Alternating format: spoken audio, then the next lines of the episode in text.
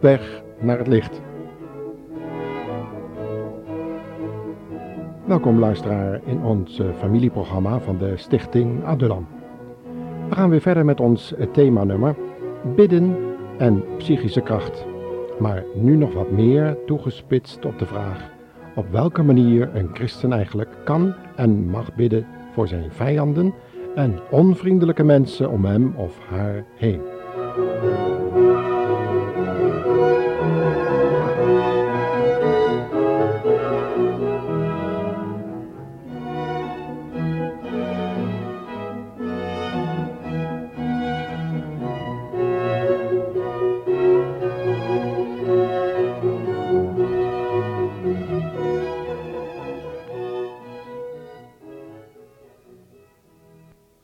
Bidden voor vijanden.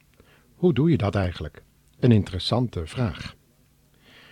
Voor de luisteraars die nog niet precies weten welke themaprogramma's we al achter ons hebben, nog even een korte terugblik.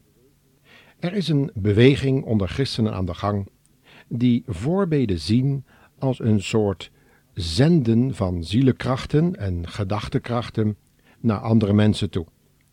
En we proberen in een serie radioprogramma's daar de vinger op de zere wond te leggen van het geestelijk leven onder christenen.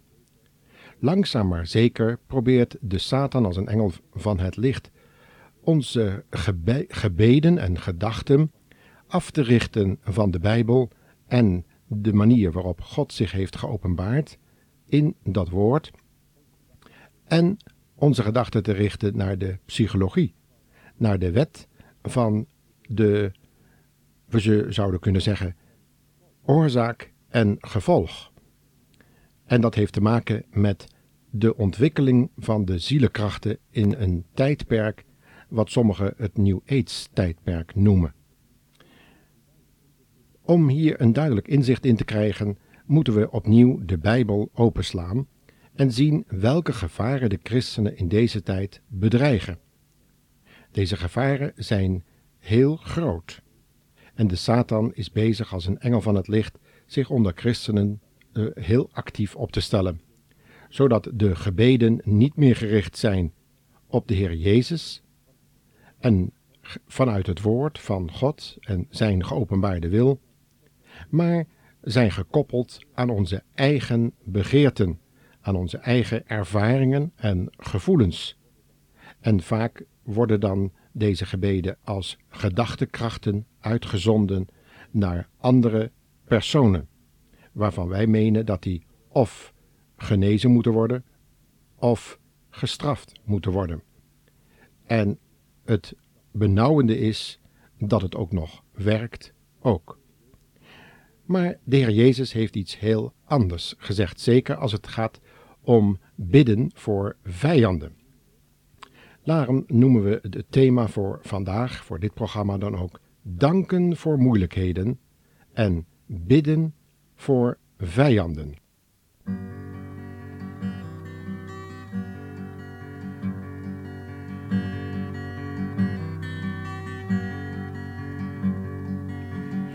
Ik maakte weer zoveel fouten vandaag en ik luisterde niet naar wat u vroeg. Of ik ergens iets goeds deed, is nog de vraag. In ieder geval was het lang niet genoeg.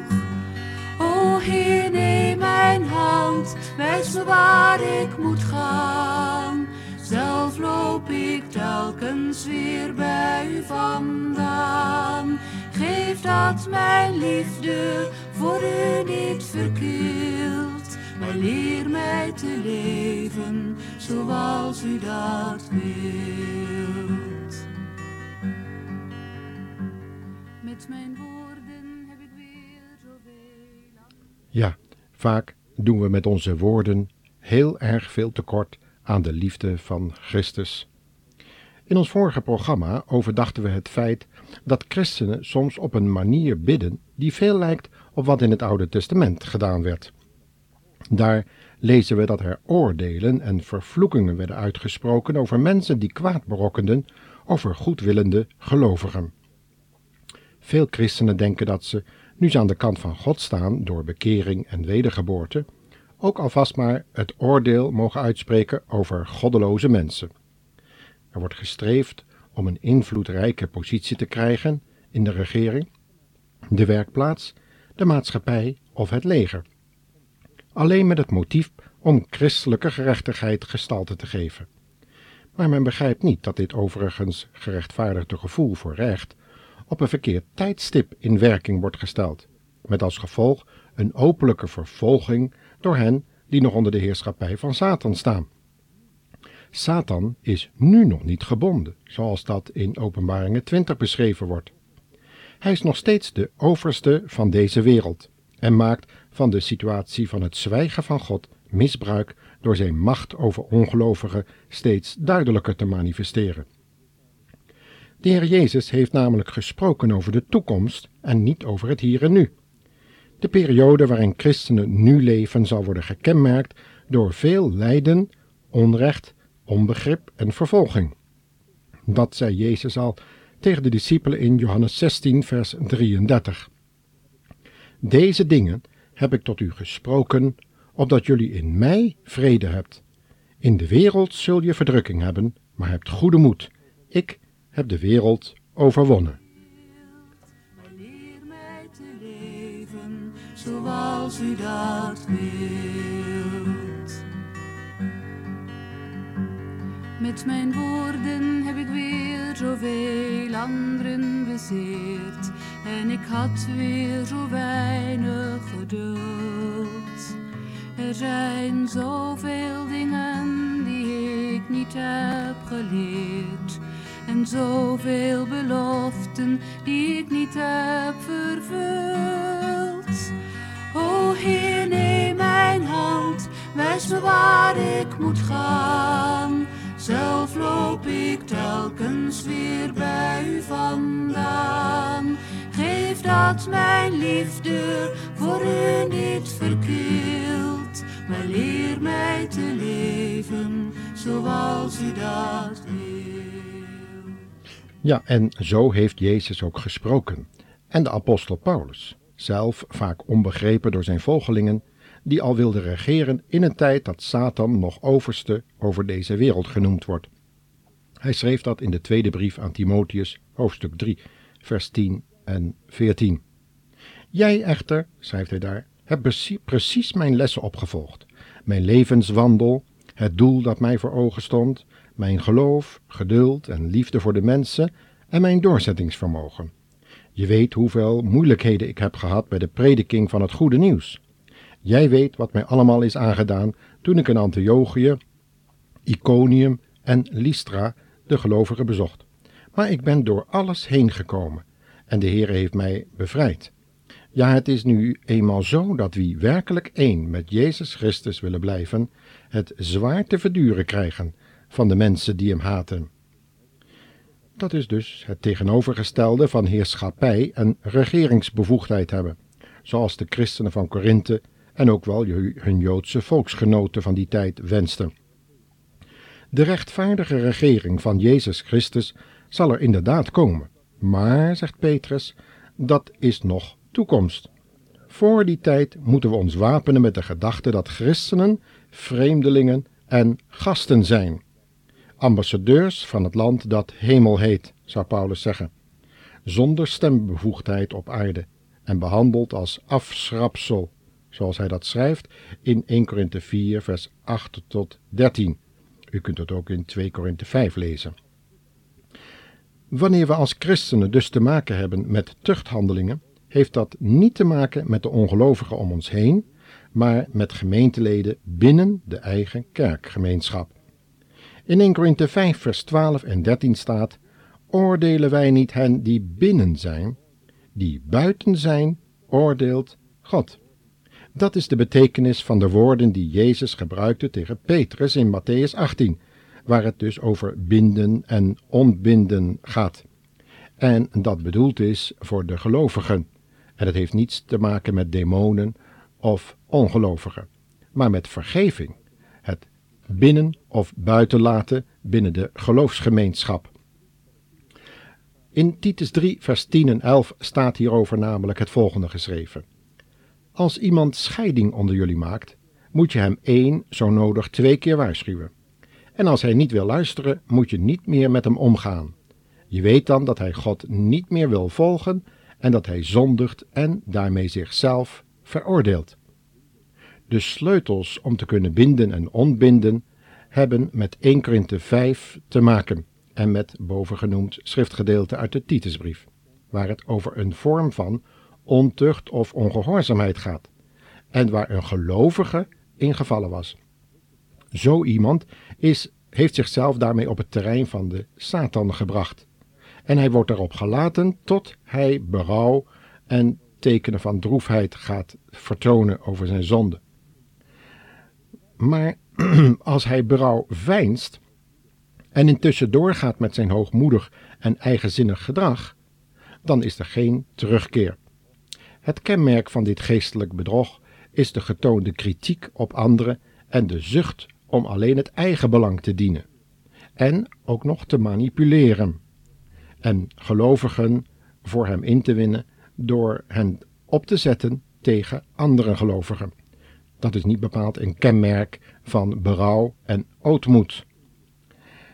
Alleen door het inzicht wat Gods geest middels het woord van Jezus wil geven, kunnen we onderscheiden welke boze geesten er in de kerk werkzaam zijn en wanneer we al of niet voor iemand moeten bidden. Petrus bad niet voor de zogenaamde bekeerde tovenaar, die door de evangelist Filippus zelfs gedoopt was en gedurig bij hem bleef. Want Petrus doorzag de ware motieven van dat volgen van Filippus. Hij had het inzicht van de Heilige Geest. We zouden ook kunnen zeggen, had de onderscheiding van geesten.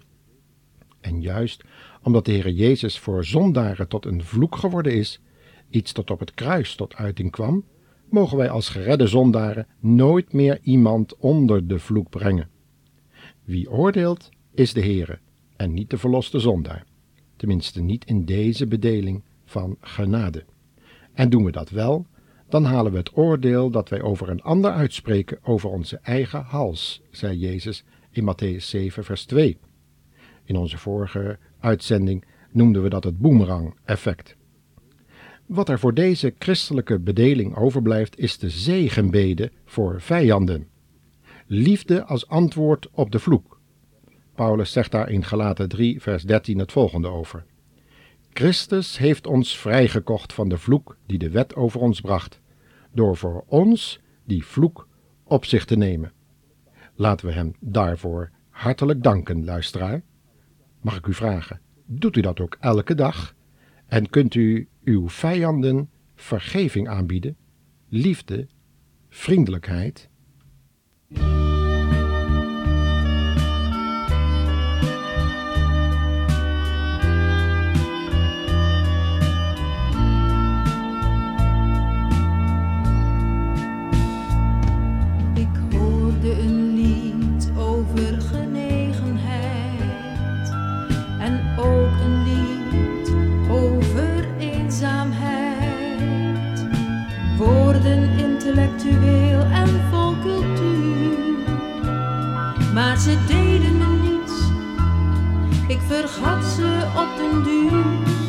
Dat ene lied is mij bijgebleven. Het waren woorden van eeuwig leven en er kwam blijdschap in mijn hart. Ja, het brandde als een vuur, plots verdween ook alles maar.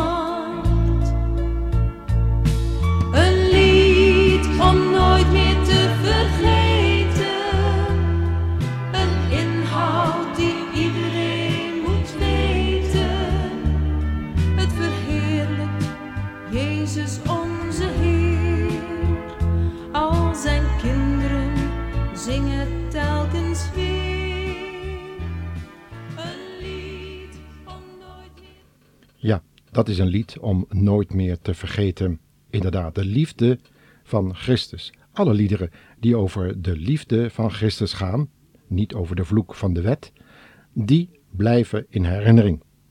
Ik weet iemand die eens gezegd heeft: De wet is als een sterke stormwind en een kou die dwars door je heen gaat. Het gevolg is dat je je jas nog dichter om je heen trekt en je kraag opzet en zo nodig ook een muts op. Maar de zon is als een heerlijk fris briesje en die je verwarmt en innerlijk vrijmaakt. En dan knoop je je jas los. Je koestert je in de zonnestralen en je laat je verfrissen door die heerlijke, heerlijke, frissende en bevrijdende wind. Dat is de wind van de Heilige Geest die waait, waarheen God wil. Dat is de liefde van Christus. Wanneer we dus onze naasten vervloeken, al of niet met de wraakpsalmen van David en anderen in onze gedachten, dan begeven we ons opnieuw onder de vloek van de wet, waartoe ook het boek Psalmen behoort. Dan gaan we van het geloofsfundament van genade af en begeven we ons op het terrein van de werken van de wet. En zal de wetgever Mozes ons moeten oordelen met dezelfde maatstaf die we anderen aanleggen. Zou dat de bedoeling zijn van de Heer Jezus toen hij zei dat hij de wet ging volbrengen op het kruis van Golgotha? Een vloek werd voor ons om ons de zegen, de genade en de vergeving aan te bieden? Zouden we zo de psalmen van David en de woorden van Mozes moeten gebruiken om anderen het oordeel en de wacht aan te zeggen? Of zouden we de liefde van Christus, zoals hij die openbaarde daar bij die vrouw aan de bron, die bron van Jacob, en zei: Dat water wat ik heb voor jou, dat is het eeuwige leven. Zou je dat willen aannemen? En als iemand dat aanneemt, dan laat hij zijn zondige leven vanzelf in de steek. Want voor de liefde doe je alles. Ja, geef je je leven over. Jezus onze Heer.